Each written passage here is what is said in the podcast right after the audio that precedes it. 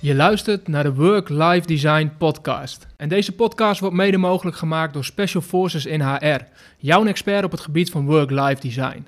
Check specialforces.nl voor meer info. Vandaag ben ik in gesprek met ondernemer en een zogeheten rebel with a cause, Mark Vletter.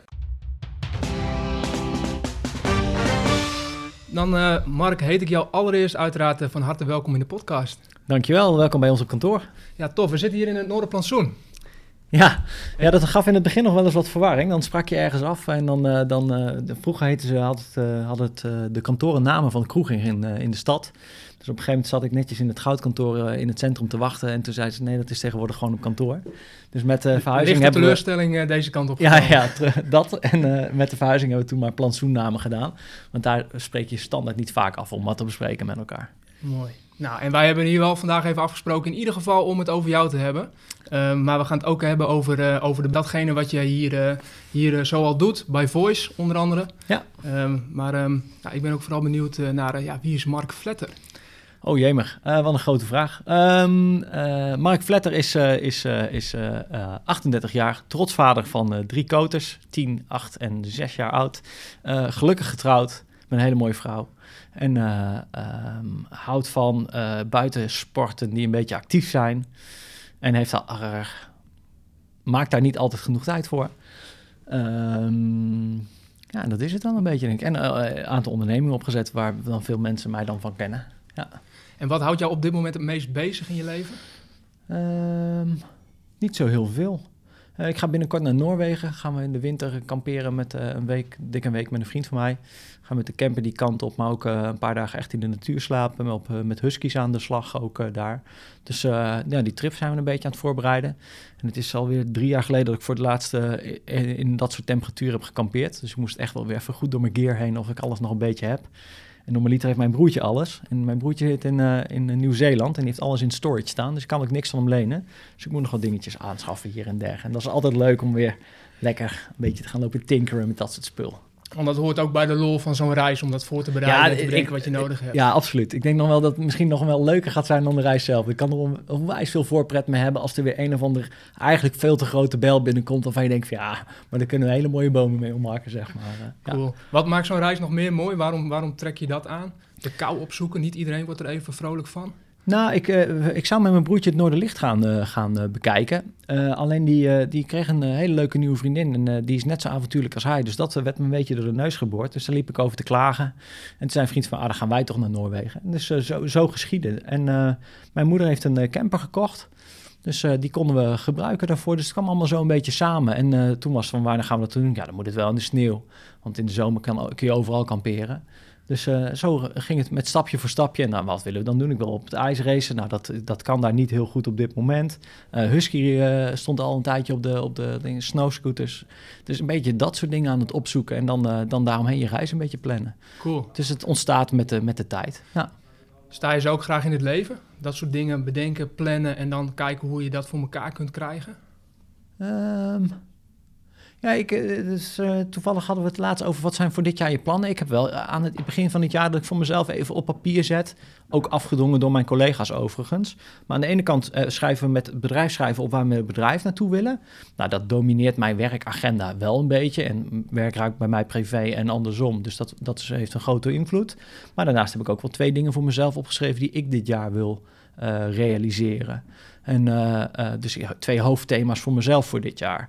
En dan uh, ja, worden daar ook wel de dingen omheen gepland om dat een beetje invulling te geven. En dan moet je er ook af en toe even naar terugkijken of je nog een beetje op het juiste spoor zit.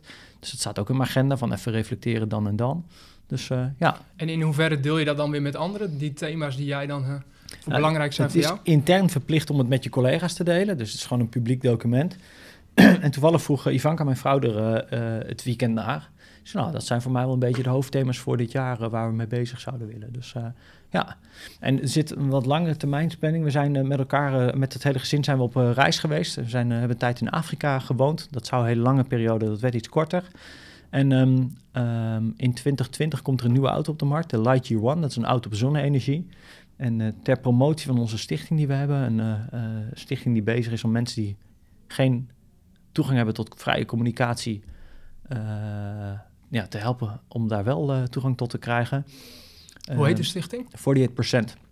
48%.org.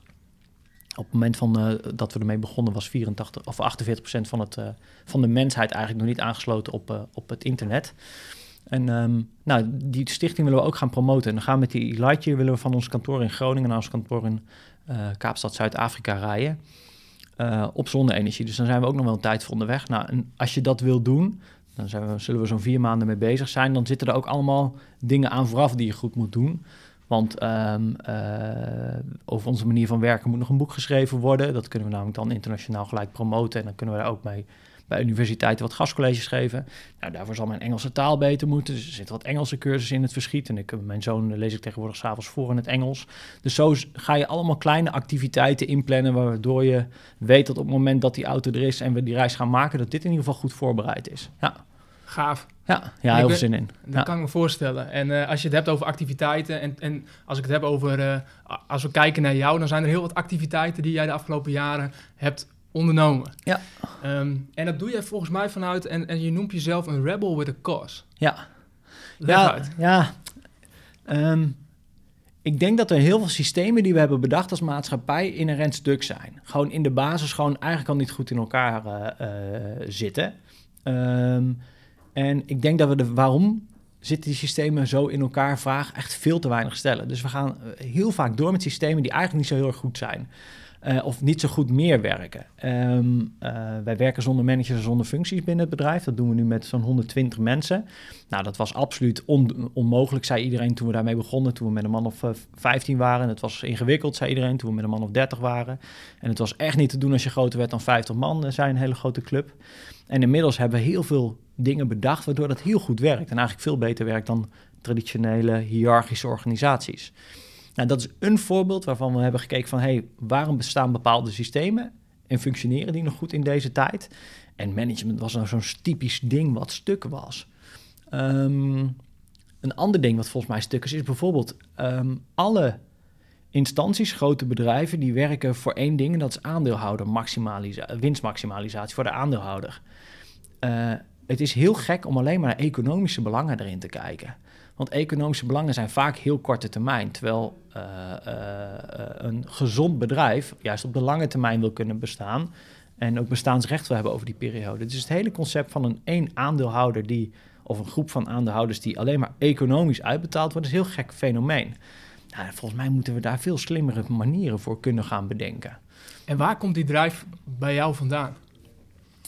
Um, uh, ik denk dat uh, uh, als je mijn rapporten doorlegt van mijn kinderjuf, dan zit er al op vrij jonge leeftijd een ontzettende drang naar gelijkwaardigheid in. En mijn vader zei altijd heel mooi: we zijn allemaal anders. En dus niet gelijk, maar we zijn allemaal wel gelijkwaardig aan elkaar. En ik denk dat heel veel van die systemen die we nu hebben, die gelijkwaardigheid eigenlijk afbreken. En ik denk dat heel veel van de dingen die we bij Voice proberen te doen, heel erg bijdragen aan die gelijkwaardigheid. Hoe gaan we op een gelijkwaardige manier met onze klanten om? Uh, hoe gaan we met een gelijkwaardige manier met collega's onderling met elkaar om? Um, en daar komen dus heel veel van dat soort systemen vandaan. Dus ja, ik denk dat gelijkwaardigheid, als, als, als er één hoofdthema voor mij is, dan is dat wel gelijkwaardigheid. Hmm. Ja. En hoe zie je dat, hoe zie je dat verder in, je, in de rest van je leven terug? Nee, dat zie, zie je onder andere terug in de relatie die, die, je hebt met, uh, die ik heb met mijn vrouw. Uh, waar dat echt wel een heel belangrijk thema altijd is geweest en nog steeds ook is. Uh, zij, uh, zij heeft op, als afstudeeronderwerp, als scriptie, heeft zij geschreven over de SGP en het gelijkheidsbeginsel. Waarom vrouwen dus bijvoorbeeld geen lid mochten zijn van die politieke partij. Dus ook zij is al heel lang bezig met dat onderwerp gelijkwaardigheid en ook dus daarmee ook emancipatie. En dat is echt wel een veelbesproken thema en ook iets waar we toch wel vaker naar het bedrijf kijken van hé, hey, waar kunnen we dat nog beter doen? Maar je ziet het ook in de opvoeding van je kinderen. Uh, mijn zoon zei, uh, die begon daar laatst ook over. Zei, ik vind het veel leuker om met jullie, die is nu tien. Ik vind het veel leuker om op een normale, volwassen manier met elkaar te praten dan, dan zoals je dat met kinderen doet. Dus ik vind eigenlijk dat we dat vaker met elkaar zouden moeten doen. Ja, ik vind het heel mooi dat hij daarmee uh, mee, mee komt. Um, vrienden van mij zeggen ook altijd onze kinderen heel erg... Um, die gaan hun eigen dingen niet uit de weg. Die, die gaan bij een verjaardagsfeestje gaan ze niet achter je staan. Die komen even naar voren, die stellen zich even voor. Die vragen om de wifi-code en daarna ziet... Nee, nee. nee, maar uh, die, die zijn heel erg uh, Ja, dus je ziet het eigen. effect, de, de, invloed van ouders... waarin de kernwaarde gelijkwaardigheid is. Eigenlijk zeg je dat... dat nou, dat, dat zie je ook alweer terug in de, in, in de kinderen. Ja, en uh, um, ik zie het van mezelf ook weer terug in de opvoeding die ik heb gehad. Ik denk dat dat nog steeds een hele belangrijke factor speelt in je überhaupt je volwassen gedragingen. Uh, wat voor opvoeding je daarin mee hebt gekregen. Ja, ja mooi. Kun je daar, ons daar wat meer over vertellen als het gaat om, want je zei ook al even kinderjuf. Dus uh, hoe, hoe zit die achtergrond? Welk pad heb jij bewandeld tot, uh, totdat jij ondernemer werd? Oh, um, even kijken. HAVO, ieder jaar met hakken over de sloot. Ieder jaar een bespreekgevalletje. En um, ergens tegen dyslexie aan, maar nooit onderzocht daarop. Um, daarna zei wat, deed dat, wat deed dat met je? Als, als je want ik kan nou, me zo ik, voorstellen, ik heb, als je daar veel moeite mee hebt, dat dat wat, wat doet met je als kind. Ja, um, uh, daar hebben we het wel eens over gehad. Maar uh, er is nooit geconstateerd dat ik dyslexie heb. En ik kan ook relatief gezien makkelijk schrijven. Ik maak af en toe wat rare fouten. En wat ik als uh, in mijn HAVO-periode heel veel had, is dat ik dacht dat ik een toets echt heel goed had gemaakt. En dat ik ook inderdaad prachtige antwoorden had gegeven, maar de vraag niet goed had gelezen. Dus dat ik antwoorden had gegeven op vragen die er niet stonden. En dat ik daardoor nog wel lage scores had. Nou, je leert in ieder geval goed omgaan met teleurstellingen, zei mijn moeder dan altijd. Daar ging je stiekem ook al een beetje tegen het systeem in gewoon, hè? Dus de vragen ja, die er stonden, ik heb, ik heb, je eigen ik, vragen. Ik, ik, weet, ja, ik weet wel een beter antwoord. of ik weet wel een betere vraag. Ja. ja, nee, dat is nooit zo bewust geweest. Maar um, uh, aan het eind van de HAVO-periode resulteerde dat er wel in dat mijn uh, hoofddocent op dat moment zei van... Goh Mark, ga jij maar niet naar het hbo, doe jij eerst de MTS eventjes... Dan kun je wat meer vinden wat je eigenlijk wil gaan doen. Uh, en anders verbrand je gewoon drie jaar studiefinanciering en heb je nog geen drol gedaan. En dat was eigenlijk een hele goede tip van die man. Dus ik ben daar naar de MTS gegaan. Dan mocht ik een uh, jaar korter doen, omdat ik een HAVO-achtergrond had. Uh, elektronica gedaan met als afstudeerrichting computer interface techniek. Dus hoe werkt elektronica samen met software. Ook voor het eerst aan het programmeren gegaan.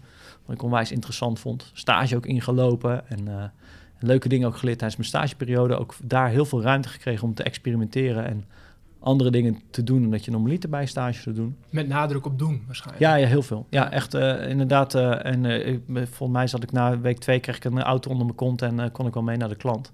Dus echt hele toffe dingen meegemaakt. Dat je als 17-jarige of 18-jarige jongen dan in zo'n auto Zo'n, uh, ik, kan nog zelf, uh, Peugeot 405. Maar zeg, geen elektrische auto? Nee, dat was nog niet. Nee. Maar dat je daar dan mee thuis komt en dat je dat allemaal zelf, uh, dat je dan inderdaad tot s'avonds laat bij de klant bezig was geweest. Ja, ik vond het natuurlijk allemaal hartstikke mooi. Ik heb daar ook nog een tijdje vakantiewerk daar gedaan. En toen ben ik daarna naar het HBO gegaan. Um, voor het eerst echt een hele bewuste studiekeuze gemaakt. Ik wist toen echt wel goed wat ik wilde gaan doen. Dat was op dat moment bedrijfskundige informatica ik zou je sowieso, als je de kans krijgt om je definitieve studiekeuze uit te stellen, doen. Want ik denk dat je, dat je, je de consequenties van je gedrag beter kunt overzien op een uh, wat hogere leeftijd. Dat is ook wel wetenschappelijk inmiddels onderzocht. Dus uh, je zou eigenlijk wat ouder moeten zijn voordat je zo'n, nou, toch wel grote keuze maakt. Maar ja, goed, dus nog niet het gevoel dat je op 12-jarige leeftijd al moet gaan kiezen voor nee, je opleiding en, en ook je op 17, Ja, ook op 17-jarige leeftijd niet. Dat vanaf je 21 is een keertje moet je daarmee beginnen, denk ik. Maar um, toen HBO gaan doen en toen kwam ik in de klas. Wat, wat maakt toen die, dat het, je, je zegt, want dat was echt, toen, toen kon ik een goede keuze maken? Ja, ik, was, ik wist zeker dat ik in die informatica... Nou nee, ik heb heel lang getwijfeld op dat moment. Uh, ik heb een lijstje gemaakt um, uh, met aan de ene kant uh, HBO... nee, HBO maatschappelijk werk. Um, en aan de andere kant bedrijfskundige informatica. Met de een heb je veel impact op een laag aantal mensen. En met de andere kant zou je weinig impact hebben, maar op heel veel mensen. En na lang wikken en wegen, oh, maar vooral doordat ik gewoon het ontzettend, die technologie, die vond ik gewoon zo cool. En de processen achter die technologie, ja, dat ik uiteindelijk ook gewoon daarvoor zei van nee, dat moet ik gaan doen. Want dat, dat ligt me ook dichter aan het hart. Niet zozeer dat je, je bent wat minder met individuele mensen bezig, maar wel veel meer met die technologie en die processen. Dat vond ik gewoon heel cool. En impact, hoor ik je zeggen. Ja, dat, maar dat, daar hebben we toen al heel veel over gehad, ook thuis. Van, uh, van uh, goh, waar kies je dan uh, voor? Ik had toen al wel heel erg het idee van, goh, je moet wel iets doen wat een beetje zoden aan de dijk zet. We, kunnen we doen dit maar één keer in dit leven en dan kun je er maar beter het maximale uithalen, zeg maar. Uh, ja. En wat, wat, wat, wat, hoe zie je dat voor je als je zegt zoden aan de dijk? Wat, wil, wat, wat voor impact wilde je graag hebben? Um, nou, ik ben in het derde jaar van mijn studie ben ik naar Haiti geweest. Dan heb ik bij een uh, uh, stichting gewerkt die onderwijs gaf op basisscholen. En je ook scholen, scholen bouwde en dat soort dingen. En nou, ik- dat was echt, ik was er al heel vroeg van overtuigd dat ik dat in ieder geval in mijn studieperiode een keer wilde, wilde doen. Dus eh, ja, ik weet niet. Impact op mensen. Op mensen, ja, ja. Ja. En, maar ook op de systemen die erachter zitten. Ehm, eh, ah, je, je kunt een mens aan laten passen aan het systeem, maar je kunt systemen ook aan laten passen aan mensen. En als je die twee echt goed op elkaar af weet te stellen, dan haal je er zoveel meer uit allebei. Dus eh, een mens bestaat niet los van het systeem, het sociale systeem waar ze in zit. maar een systeem bestaat ook niet los van die mensen. Dus in die interactie tussen die twee kun je hele mooie nieuwe dingen laten plaatsvinden. Ehm, en dat heb ik altijd heel fascinerend eh, gevonden. En IT kan daar een onwijs versterkende werking in hebben. En dat maakte dat IT-component zo interessant. En dat maakte ook bedrijfskundige informatica heel interessant, want het ging heel erg over hoe kun je nou technische processen inzetten om menselijke processen beter te maken. Nou, dat vond ik een heel leuk raakvlak. En waarom dan die drive en die impact, dat, eh, dat, dat weet ik niet.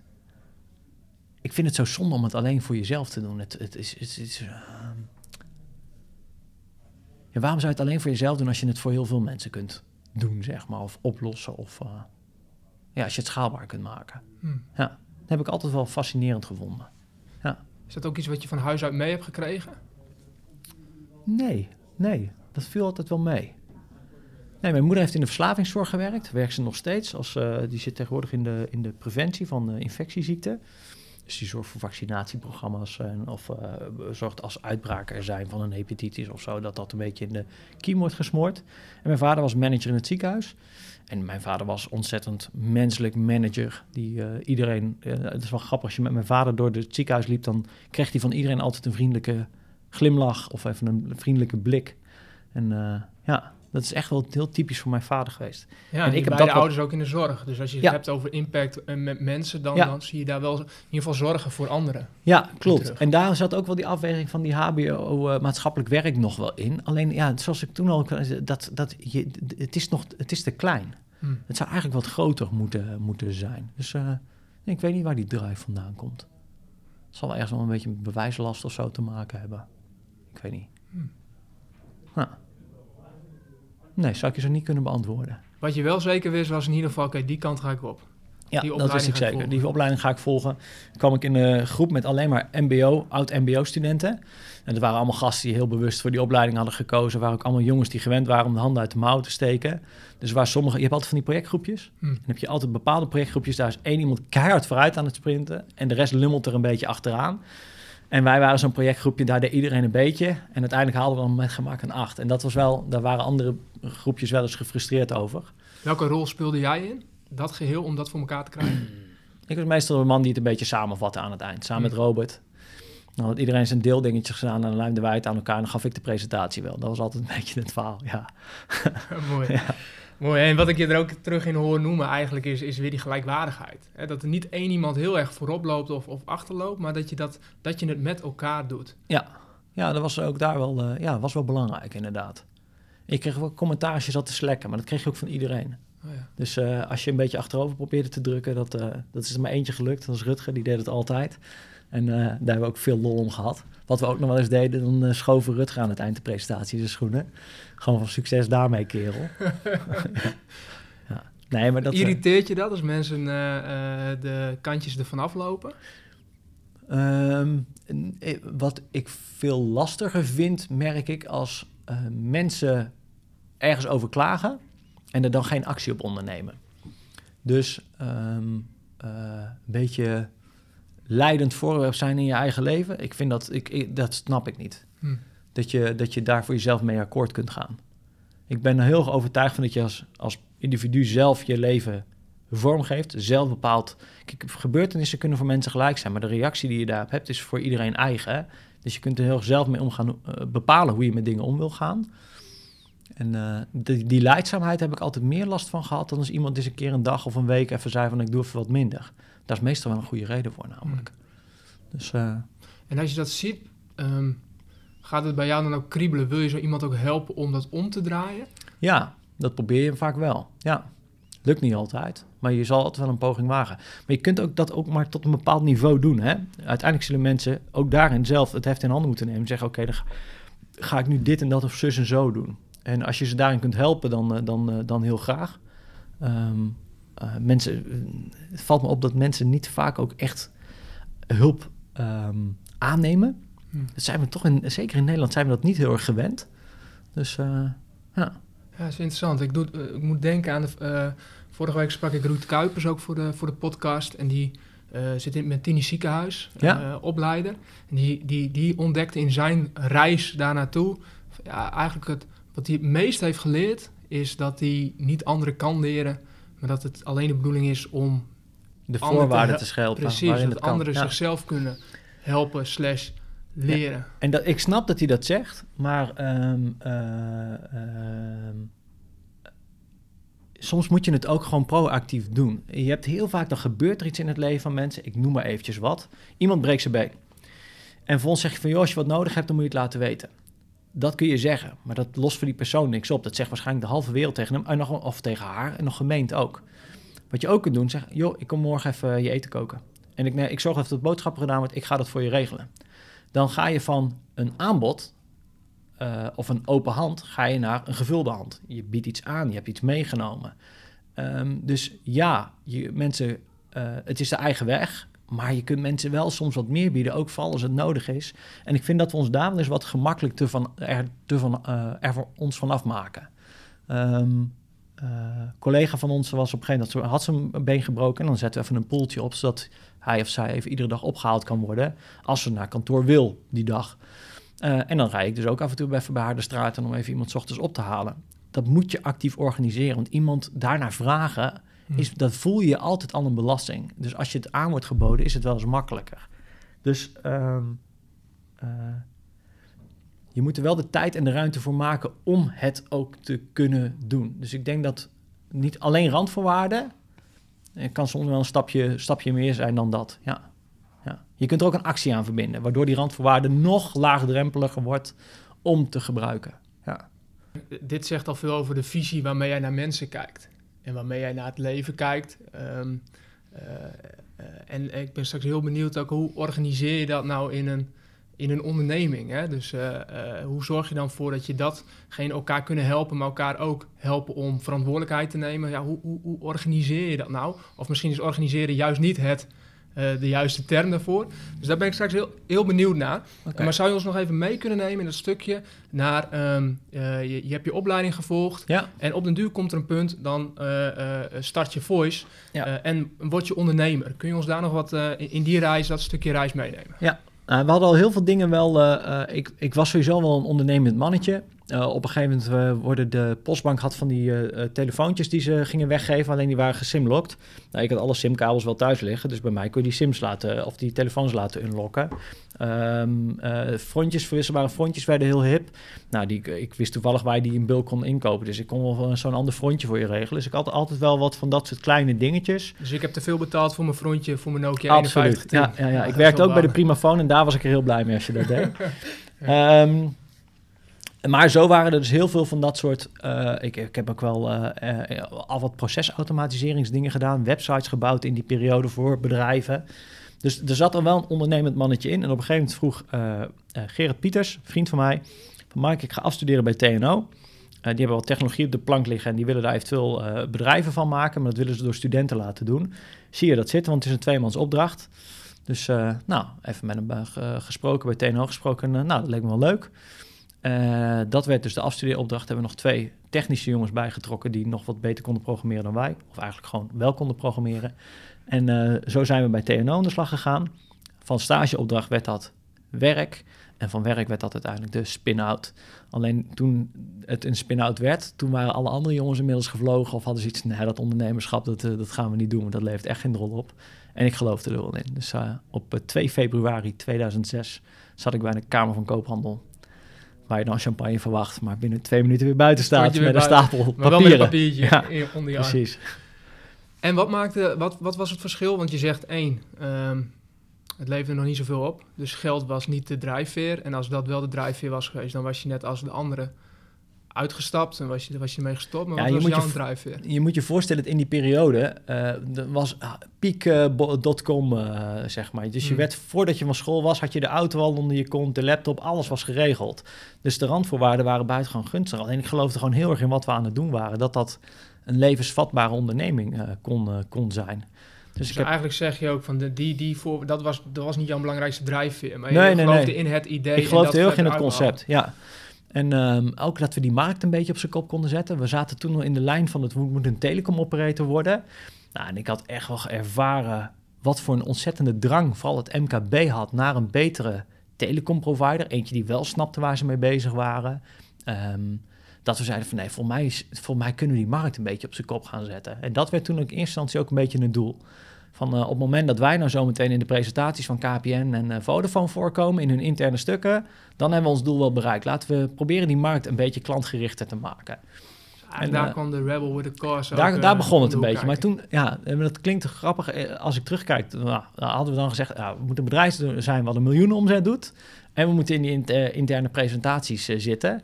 En we moeten een beetje invloed hebben gehad op die markt. Dat was een beetje onze benchmark. Alleen En was dat ook iets waar jullie echt, echt in geloofden? Of was het meer zoiets van, ja, weet je dat, als dat zou als lukken... dat zou lukken, dan, hebben, dan, hebben, dan is het gelukt. Ja. Dan, eh, dan, eh, dan kunnen we kappen. Dat was op dat moment een beetje het beeld. Alleen zes jaar daarna hadden we dat gerealiseerd. En op een gegeven moment kijk je dan naar achter en denk je van... ho, maar daar waren we begonnen. En dit, dit is gelukt. Wat gaan we nu doen? Hm. Nou, daar was even, even, even zoeken van... goh, wat, hoe gek kunnen we het dan maken? Maar wat we dan ook... Het is heel fijn voor een onderneming om een soort stip op de horizon te hebben. Ik zeg altijd, ondernemen is niet als een treinreis. Daar gaan we naartoe, we pakken de trein, daar stappen we over en hup, dan zijn we er. Ondernemen is als liften. Je weet, daar willen we ongeveer naartoe. En je komt onderweg allemaal mensen tegen die je andere inzichten gaan geven. Die zeggen, oh, maar als je daarin gaat, moet je ook even bij die en die langs. En ah, op die route vind je nog dat en dat en dat. En dan kom je misschien, als je het idee dat je naar eh, Zuid-Frankrijk ging, kom je dan misschien wel in Spanje terecht. Maar de, het feit dat je weet, nee, we zouden ongeveer naar Zuid-Frankrijk, dat is heel belangrijk, die stip op de horizon. Maar als je dan op een gegeven moment op die stip staat, en je staat in Zuid-Frankrijk of in Spanje op dat moment, ja, dan is het wel even, ja, het is hier heel mooi weer. En eh, allemaal leuke mensen om ons heen. En eh, nou, dit, dit, dit is, wel goed. Maar ja, we kunnen natuurlijk nu nog veel verder. We kunnen misschien nu de wereld wel over. Dan moet je wel even afvragen waar we willen heen. Wat wordt die nieuwe stip op de horizon? En dat heeft wel even ook in mijn hoofd geduurd voordat ik, daar, voordat ik dat ook vooral durfde uit te spreken. Dat is natuurlijk wel spannend. Als je echt groot gaat dromen en het wordt echt een beetje bizar. Mensen zeiden al dat, dat, dat een telecomoperator starten niet kon. Maar wat nou als je, hoe groot kun je dromen, zeg maar? Wat, Hmm. wordt dan, wat, is dan het, wat wordt dan het gekste? En wat is, dan, wat, wat is dan de grootste spanning die daarbij komt kijken? De Zo. vraag of, je dat, of jij dat wel kan. Hm. Ja, en Van anderen, dus de reactie van de omgeving. nee, nee, nee, nee, nee. De vraag eh, die jij jezelf stel- stelt, of jij dat wel kan. En ehm, op een gegeven moment heb ik een heel oud filmpje van Steve Jobs gezien. En die zit in zijn periode tussen, voordat hij Apple weer teruggeeft, zit hij een beetje, het, het is een heel, het is een slecht geschoten filmpje. Het zit, het zit allemaal losse segmentjes, vind je ze los op het internet. En een van de dingen die hij daarin zegt is, everything you see around you has been created or invented by people that are no smarter than yourself. En als je dat eenmaal door hebt, kun je het veranderen. Dan kun je er wat mee doen. Dat zegt hij op dat moment. En dat is zo belangrijk om je dat in je hoofd te halen. We, we, we, we projecteren heel vaak heel veel op helden of mensen die het fantastisch doen. Een eh, Steve Jobs, een ehm, Elon Musk. Zijn gewoon mensen. Eh, Ja, ik we zetten ze op een voetstuk. we zetten ze onwijs op een voetstuk. Terwijl eigenlijk in wezen, ze, eh, ja, ze hebben iets bijzonders gedaan. en soms ook herhaaldelijk gedaan. Maar dat had net zo goed de andere kant op kunnen vallen. Het is voor een groot deel ook gewoon mazzel wat ze hebben gehad. Ze hebben alleen randvoorwaarden gecreëerd waarin ze misschien vaker mazzel konden hebben. Maar het was voor een groot deel mazzel. En jij kunt dat ook. Hm. Eh, ik ben absoluut niet de slimste jongen van de klas. Ik heb nooit een 9 gehaald, behalve voor mijn afstuderen, omdat ik daar heilig in geloofde en daar maximaal voor ging met een club van vier man. Maar ik, Ja, dus was, ik, ben niet slim. die ontzettend belangrijk is om het uiteindelijk goed te... Je inzet en erin geloven. erin is geloven en, ervoor, dan- ja, nee, en gewoon continu ervoor gaan. Ja. En ehm, ik denk ook, als je on- naar het bedrijf kijkt, joh, de helft van die mensen die hier in het bedrijf werken, zijn gewoon, als je dat onafhankelijk zou meten, zijn slimmer dan ik. Weet ik zeker. Hoger IQ dan dat ik dat heb. Ehm, dus daar zit het hem niet in. Het enige verschil is of je het gaat doen, ja of nee. En dat besef, en dat dus iedereen dat kan doen, en dat je er misschien ook geen haast mee moet hebben, zet maar een, kijk maar naar tien jaar. Ja, dat, dat was denk ik wel heel belangrijk voor die mindset waarin je op een gegeven moment zegt, oké, nou, ik ga het in ieder geval proberen. Ja, want uiteindelijk ontdek je dus door die zes jaar, ontdek je in één keer shit. Het kan. Dus Ja, je ik kan, gewoon een, miljoenen, ik kan gewoon een kan- miljoenenbedrijf bouwen. Als ik me daarop concentreer en ik heb een goed idee, en, of ik heb misschien eens een, een, een, een redelijk idee, maar we executeren het goed, Man, we bouwen gewoon in zes jaar een miljoenenbedrijf. Ja, dat is uh, fascinerend. En de, de tweede, vervolgens starten we een tweede bedrijf. En toen bouwden we dat in drie jaar. En bij het derde bedrijf bouwden we dat in een jaar. Dus het is nog een herhaalbaar iets ook. Er zit een systeem achter, een methodiek achter. Ja, ik, vond dat, ik vind dat fascinerend. Ja. En tegelijk zeg je, en dat vond ik ook spannend. Dat, vond ik ook, dat zorgde ook voor een angst. Bijna een angst om te slagen of bijna een angst van... wow, als dit kan, wat ja, kan ik dan wat kan ik dan nog meer? Ja, meer? ja, klopt. En uh, daarbij ook wel van... Maar, en als ik dat dan ga zeggen ook tegen mensen... Ja, die gaan me voor gek verklaren. Die, uh, en, maar het gaat er in essentie om dat je het zelf gelooft. Dat je zelf gelooft van... nou, als ik dit kan, dan kan ik dat eigenlijk ook wel. Ja, een beetje pipi langkous. Ik heb het nog nooit gedaan, dus ik denk dat ik het wel kan. Ja. ja. Ik vind dat nog steeds een mooi uitgangspunt. Ik denk dat daar ook heel veel mensen uiteindelijk bevriezen... in het bedenken van het plan in plaats van in het uitvoeren ervan. Ik denk dat als je nou de eerste stap gaat zetten, ja, dan wordt de, de, volgende stap heel logisch. Dus uh, ja. Wat was bij Voice de eerste stap die jullie zetten? Uh, die begon bij mij op de, 2 februari zaten we bij de Kamer van Koophandel. Ik kreeg dat, van... is eigenlijk, dat is ook al een belangrijke stap. Hè? Daar zeg nou, je eigenlijk ja, van, nou, oké, doe dat in ieder geval. Ja, nou, maar dat is dus het grappige. Ik heb heel lang gedacht, want ik heb in mijn hele studie dus geen onderneming gehad. Terwijl ik wel allemaal side deals had. En iedere keer dacht ik, ja, maar dan moet ik naar de Kamer van Koophandel. Dat klonk altijd zo vreselijk groot en serieus. En toen zat ik daar en toen stelde het werkelijk niks voor. Toen had ik echt zoiets, waarom ik dit niet... Bijna teleurstellend kwam je daar weer Ja, uit. ik liep er echt als een deceptie. Nee, serieus, ik vond het echt... Uh, uh, ik heb het er daarna met mijn uh, vrouw ook nog over gehad. We, hebben, we zaten op dat moment best wel in een heftige periode, want haar vader werd geopereerd die dag. Dus het liep sowieso die dag heel... Die heeft echt onwijs twee kanten voor ons, ook privé gezien. En... Um, maar we hebben het er daarna wel over gehad van hoe ontzettend weinig het voorstelt en hoeveel het dus in je hoofd is geworden van nee, want dat is ook het start van het bedrijf. Hier zeg ik van nee, dit ga ik niet doen.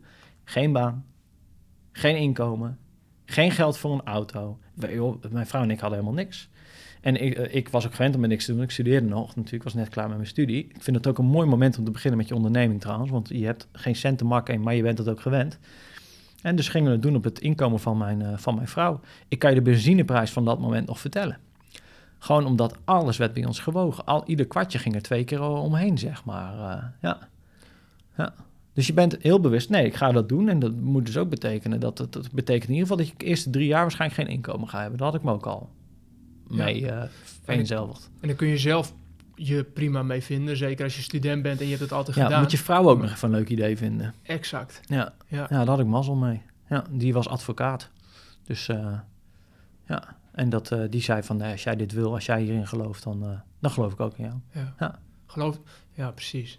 Dus zij geloofde echt in jou. Het was, zat er ook al een deel in dat ze geloofde in het hele concept? Of was het meer van... Oh nee, maar als jij nee, gast als geeft, jij, nee, dus die zei als, als jij dit een goed idee vindt, dan, dan gaan we dat gewoon doen. Ja. Dus dat was uh, meer dat. Wat als je dat niet had gehad? Um, nee, dan was ik waarschijnlijk niet eens begonnen. Ik denk dat, dat, dat een, zullen zeggen, stabiele ondergrond om op te staan op dat moment wel heel erg uh, cruciaal is geweest. Maar bijvoorbeeld iets heel simpels. Ik kreeg van mijn ouders op dat moment heb ik een nieuwe laptop gekregen. Ja, dat had ik zelf nooit kunnen betalen. Dus mijn ouders zeiden van, nou, dit is wat wij kunnen doen. Ik kreeg een nieuwe laptop. Want ik, wil, ik wilde ook nooit geld van ze lenen en zo. Dus, um, nou, een nieuwe laptop. En een, ik had een telefoon en een laptop en uh, dat was mijn kantoor. En dan zat ik dan in mijn kantoor. Ja, slaapkamer. Bij ons thuis, ja.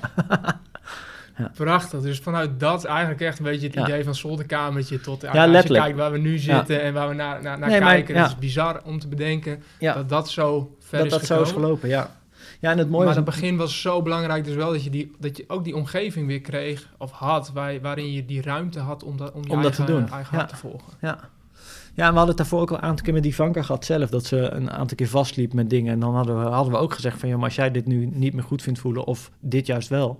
dan gaan we dat toch gewoon doen. Dus eh, ik was ook al een paar keer achter haar heen verhuisd en gedaan. En, eh, dus we, ja, nou, ook daarin zat heel veel gelijkwaardigheid. Mm. Van als jij dit gelooft, en, dan gaan we dat gewoon doen. En dat hebben we daarna nog ook in haar carrière ook nog een paar keer gehad. Ja. Dus dat is heel goed geweest. Ja. En toen, de volgende stap. Want dan heb je KVK, nou dat valt dus vies tegen. Ja. Maar dan, dan sta je Nou, wel toen buiten. stonden we buiten en ik was in de tussentijd ook Joris tegengekomen. Joris was een vriend van mij geworden vanuit mijn studie. Die eh, eh, zat op dat moment eventjes thuis.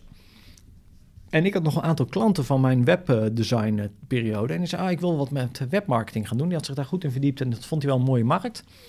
En eh, ik zei, nou, dan kom je gewoon iedere dag. Hij had een uh, auto-ongeluk gehad, dus die moesten weer langzaam herintegreren. Ik zei, weet je wat je doet? Je komt gewoon iedere dag op het moment dat je zin hebt, kom je bij mij op kantoor zitten. In de studeerkamer. En um, als je weer klaar bent voor de dag, je hebt de energie dus op, dan ga je weer weg. En krijg je mijn klanten, die mag je dan gaan overnemen en beheren. En dan begin ik dat telecombedrijf. Nou, dat vonden we een goed idee. Dus zo zaten we met z'n tweeën op kantoor bij mij thuis aan de, in, de, in de studeerkamer. En Um, uh, dat op een gegeven moment hadden we iemand nodig die wat teksten ging vertalen. En die kwam er ook af en toe even bij zitten. En toen kwam Harold, een van mijn jongens met wie ik het begonnen was, kwam even zonder werk te zitten. En ik moest nog wat dingen geprogrammeerd hebben. Kwam Harold weer even bij ons zitten. En op een gegeven moment, ik denk dat het ergens in oktober was, kwam Ivanka thuis. En die doet de deur open, uh, klein appartement, voor mij 52 vierkante meter. We hadden de keuken hadden gebruikt om uh, te koken tussen de middag. De eetkamertafel stond helemaal vol met computers. Uh, want er zaten twee mensen te werken. Ik zat met Joris in de studeerkamer te werken. En um, Marloes lag op de bank, lang gestrekt, teksten te vertalen van een contract wat we in het Engels moesten hebben. En die Vanke deed de deur open, die keek om het hoekje. Zei, nou, dit is nu al afgelopen, hè? Die heeft de deur dichtgetrokken en die is twee uur later weer teruggekomen. echt, dit gaan we dus niet meer doen. Toen wist je, dan moet de volgende stap Kantoor, ja, dat wordt altijd niet. Ja. Dus toen, zijn we, toen kwamen we in, uh, en Joris en ik hadden al heel lang, uh, als we langs de mediacentrale reden, van ah, dat zou zo'n gave kantoorlocatie zijn. En die werd op dat moment verbouwd. En toen was de verbouwing net klaar. En op de vijfde etage was een ruimte gereserveerd voor start-ups. En daar hebben we toen het allerkleinste kantoortje gekregen. 23 vierkante meter. En daar uh, hebben we toen uh, drie tweedehands bureaus ingezet. Uh, hele krachtige tweedehands computers die we zelf in elkaar hebben gezet. En zo zijn we daar gaan zitten. Tof. Ja. Ook daarin deel je weer iets van het visualiseren, het bekijken, het uitspreken van... hé, hey, dat zou super tof zijn. Ja, en, ja en, hadden we al bedacht. Ja, dat dat wel, en dan vervolgens zie je het ook ja, ja, ja. dat was een heel mooi momentje timing. En sowieso die club op die vijfde etage. Allemaal jongens die in dezelfde fase aan het starten waren. De een net wat verder, de ander net wat minder ver. Daar hebben we zoveel van geleerd.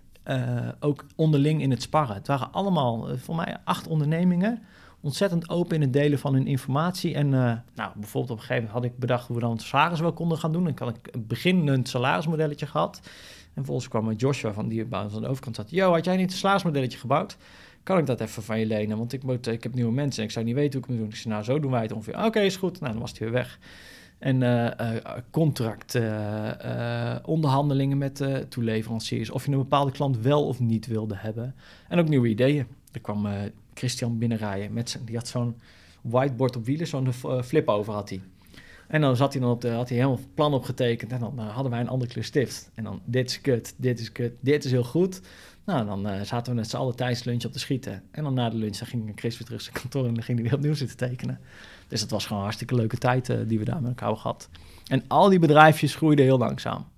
Stoeltje erbij, werkplekje erbij, wat verschuiven intern. Iemand die ergens anders in het pand ging zitten omdat hij meer ruimte nodig had. Storm Marketing Consultants, tegenwoordig Storm Digital werken nu 80 man, is daar ontstaan. Store support is daar ontstaan. Uh, data provider is daar ontstaan. Peperzaken, wat daar gekocht is door uh, Belsimpel, is daar vandaan gekomen.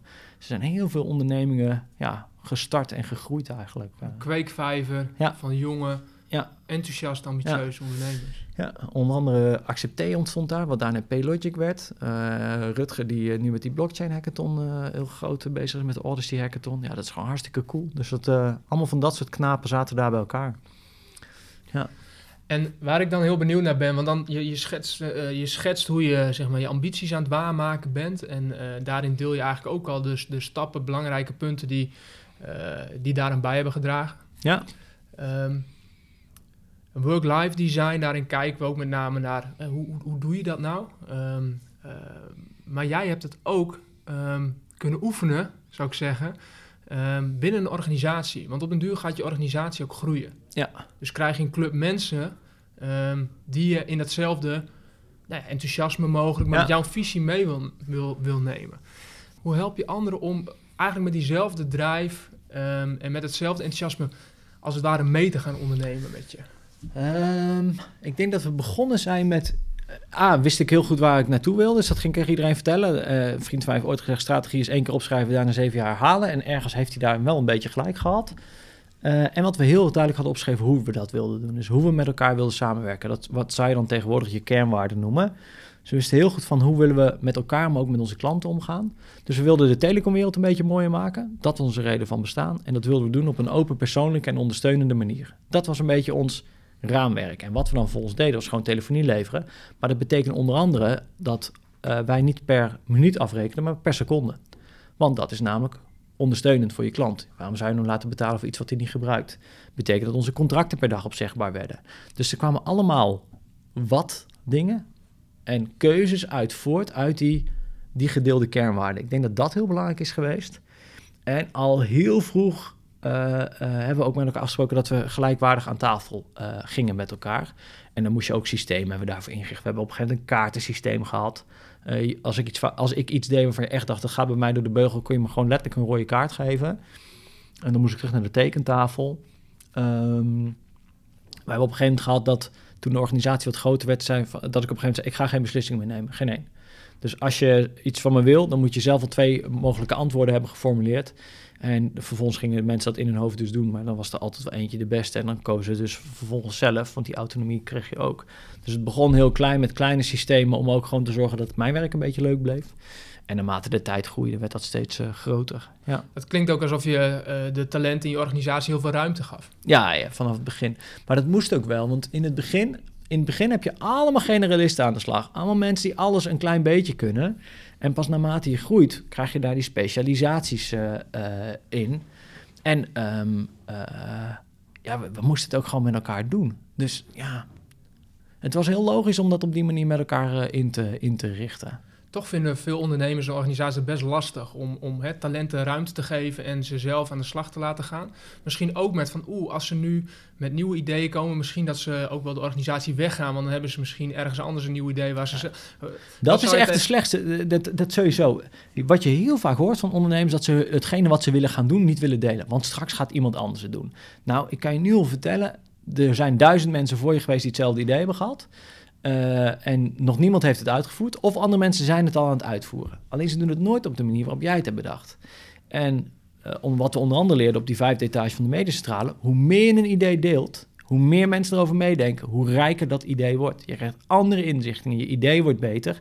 Maar ook de daaropvolgende executie, wat het werkelijke belangrijke deel is, wordt beter. Want iedereen heeft uh, wel een idee. Oh, dan moet je daar rekening mee houden.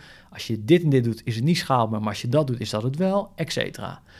Um, en je wilt dus dat gedachtegoed ook in je organisatie faciliteren. Um, ik denk dat je heel goed moet beseffen dat je, uh, uh, alles wat je om je heen ziet, is gebouwd door mensen die niet slimmer zijn dan jijzelf. Maar dat geldt dus ook voor de mensen die naast je staan in je onderneming. Die zijn echt super veel slimmer in bepaalde dingen dan dat jij dat ooit gaat zijn. Als je dan hen die ruimte geeft om ook die systemen te ontwikkelen, dan hebben ze A, heel leuk werk. B, lopen ze er veel harder voor, want het is van hunzelf. En C, wordt je organisatie er rijker van. Dus er zit eigenlijk alleen maar winst aan. Um, de kosten van het niet doen zijn veel groter. Een leger van drones die precies doen wat jij zegt, gaat je uiteindelijk geen zak opnemen. Um, uh, wat je ook nog wel ziet, is dat zo'n ondernemer keihard vooruit gaat lopen rennen en de rest er een beetje achteraan loopt. En um, mag ik zei op een gegeven moment een collega van mij van uh, uh, alleen kom, kom ik altijd heel ver. Of alleen ga ik altijd heel snel, maar samen kom ik altijd wel een stuk verder. En dat gedachtegoedje moet je er ook een beetje insmeren. En stel je voor dat er iemand uiteindelijk zegt: Oké, ik ga nu ook voor mezelf beginnen, wat we een paar keer hebben meegemaakt. Dan moet je echt super trots zijn. Want dan heb jij blijkbaar iemand zo ondernemend kunnen maken dat hij uiteindelijk zegt: Maar dan ga ik het ook voor mezelf doen. Voor mij is dat het grootste compliment wat je kunt krijgen als ondernemer. Of iemand die een fantastische nieuwe carrière stap kan maken dan heb je iemand dus zoveel geleerd dat hij daar dan naartoe kan. Daar heb je zoveel in gefaciliteerd.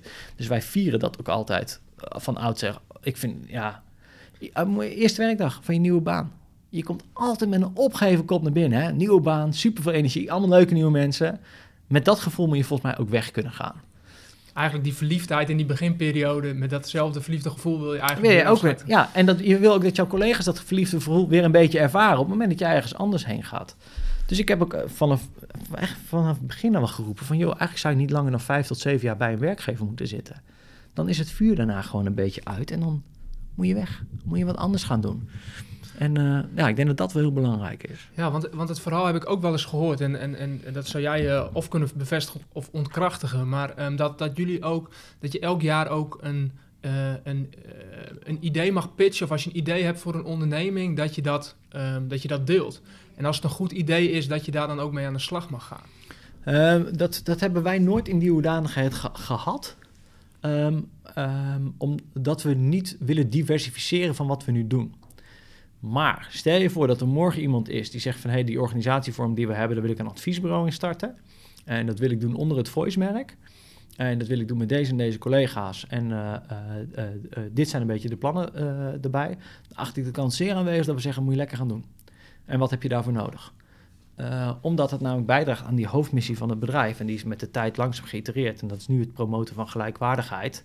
Door het faciliteren van, eh, eh, van die vrije communicatie. En als het binnen die doelstelling valt, dan kun je het bij ons redelijk gek maken. Wat je in de praktijk wel ziet, is dat mensen ook gewoon hun werk willen doen. Eh, dus niet iedereen zit erop te wachten om, eh, om allemaal eh, grote ideeën en plannen te hebben. Maar we hebben heel veel nieuwe ondernemingen die uit Voice zijn ontstaan. En daar zijn we heel trots op. En die, daar hebben wij geen aandelen in of zo. Ehm Bouke is conversies begonnen, online marketingbureau. Anika en Zets communicatiebureau begonnen. En zo zijn er meer die gewoon lekker voor zichzelf begonnen zijn. Ja, dat is hartstikke cool dat dat, dat, dat lukt. Ja. En dan laat je ze los, dus je geeft veel ruimte. Ja. Ehm, wat is het allermoeilijkste om los te laten? Ehm, beslissingen die invloed op jou hebben, op jezelf. Ehm, in het begin is het sowieso lastig om überhaupt beslissingen los te laten. Ehm, maar toen zei op een gegeven moment Erwin, een van mijn collega's, die zei: Joh, als het geen invloed heeft op mijn rol, op mijn werkzaamheden hier, dan vind ik het eigenlijk standaard wel prima. Dan mag ieder experiment van mij wel gebeuren, want je kunt toch altijd weer terug. En dat zei Erwin op een gegeven moment heel terloops even op de wandelgang. Ik zeg, oh, waarom was je... Waarom? Nou, hij zegt, ah, raak mijn werk niet, dus ik vind het allemaal prima. Nou, dat werd daarna standaard mijn instelling. En dat is voor ieder, iedereen, denk ik, die kijkt naar verandering in het bedrijf. Als het je niet raakt, lekker, lekker laten gaan. En als je een heel goed idee hebt, vooral geven aan degene die ermee bezig is. Maar ehm, eh, eh, die mag er dan ook zelf van bepalen wat hij ermee doet. Die mag zeggen, ik vind een kut idee, ik doe er niks mee. Die mag zeggen, ik neem er een stukje van over. Of die mag er helemaal mee aan de haal gaan. Maar eh, als het jou niet raakt, mag je dat negeren of iets geven. Maar ehm, wat we heel vaak doen, is dat we dan in de ja, mening en meningen zijn, daar kun je toch helemaal niks mee. Ehm, maar je hebt soms ook beslissingen die invloed hebben op jou. Of beslissingen die ingaan tegen misschien wel de kern van jouw gedachtegoed. Ja, die zijn veel lastiger om los te laten en dat lukt me soms nog steeds niet. Dus, eh, maar meestal gaat het goed. Meestal ook dat. Het is een experiment. We kunnen altijd nog terug. Dus eh, ja. ja. En Het blijft een dagelijkse uitdaging wel om te kijken wat, welke ruim, wat, wat laat ik los en wat, ja, wat hou ik toch, wat hou ik Ja. vast. Of Ja, wil en we zijn nu met het grootste experiment, is, is nu in wording. Het, eh, dat is, dat is, dat, ik wil heel graag dat, op dit moment ben ik de eigenaar van het bedrijf. Maar ik wil maar niet de eigenaar van het bedrijf zijn. Ik wil dat het bedrijf uiteindelijk zelf de eigenaar is van het bedrijf. Dus dat zou betekenen dat we een stichting eh, ehm, krijgen, of die hebben we al. Maar dat die stichting ook uiteindelijk eigenaar, eigenaar wordt van het bedrijf. En, eh, maar dat betekent dus dat ik mijn aandelen moet overdragen. Nou, dat is best dat, grote- heeft, dat heeft wel invloed op jou. dat heeft wel invloed op mij. Ja. Ehm, maar eh, dat geeft ook heel veel nieuwe mogelijkheden waar ik ontzettend enthousiast van word. Eh, en het is een experiment waar we niet van terug kunnen. Dus hier moet ik even wat langer over nadenken. Maar ik vind hem wel heel leuk. Dus eh, ik verwacht wel dat we dat met een half jaar geregeld hebben. Mooi. Als we toch kijken naar een half jaar en sowieso de toekomst. Wat gaat de toekomst nog brengen voor jou? Je begon je verhaal met dat je zulke dromen had, zulke mooie ambities. Ehm, ja, welke ambities liggen er nog voor je in het verschiet? Ehm, nou, Voice gaat Europa in. Dat is, eh, daar zullen we de komende vijf jaar wel mee bezig zijn. Dat betekent ook dat het bedrijf aanzienlijk groter nog zal worden. Nederland is natuurlijk een relatief gezien kleine markt. Als je dat vergelijkt met de rest van Europa. Dus daar zal een hoop tijd en liefde in zitten. Ehm, ik denk dat ik daar zelf in directe betrokkenheid vrij weinig te doen mee zal hebben. Dus daar verandert mijn rol ook wat meer in ehm, het faciliteren van systemen waarin de anderen kunnen werken. En ook af en toe een beetje de woordvoerder zijn van het bedrijf. Eh, dat, eh, dat betekent dat ik ook nog wat meer aan het communiceren, aan het schrijven eh, zal zijn. Dus eh, nou, daar moet ik nog even aan wennen, maar dat, is, eh, dat zal voor mij een beetje de verandering zijn. En ehm, we hopen met de stichting hopen we echt eh, toch wel flink veel mensen te kunnen raken. En wij dachten altijd dat we dat in de techniek zouden doen. Dus met de technische oplossingen die wij bedenken, dat we daarmee heel veel mensen kunnen voorzien van toegang tot vrije communicatie. Dat is een van de redenen dat alle techniek die wij ontwikkelen open source is. Dan kun je dus ook anderen makkelijk ermee raken.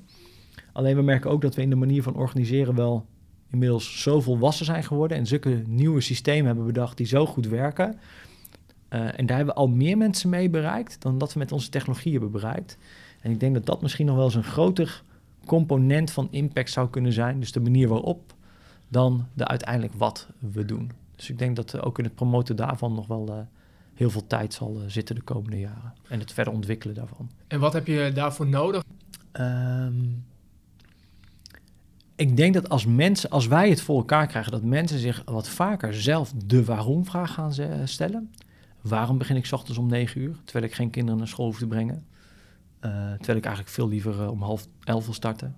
En waarom ga ik naar deze vergadering? Terwijl ik eigenlijk alleen maar de agendapunten van de vorige keer zit te benaderen of te, te bekijken of de takenlijst die toch niemand gedaan heeft. Um, waarom uh, breng ik mijn bedrijf naar de beurs? Terwijl het misschien in de handen van de collega's of haar klanten wel veel meer waarde kan hebben. Ik denk als mensen die waarom vragen wat vaker voor zichzelf zouden stellen, voor zichzelf in hun persoonlijke leven en in de ambities die ze daarin hebben, maar ook zakelijk gezien, dan, uh, dan hebben wij wel wat voor elkaar gekregen. Dus als, als ik, ja, als ik er, mensen ergens toe zou mogen oproepen, is het dat. Stel de waarom vraag voor jezelf wat vaker en stel hem ook eens wat vaker achter elkaar. Uh, sommige blogartikelen zeggen dat je hem vijf keer moet zetten of stellen voordat je de werkelijke root cause hebt gevonden van waarom bepaalde mensen bepaalde dingen doen.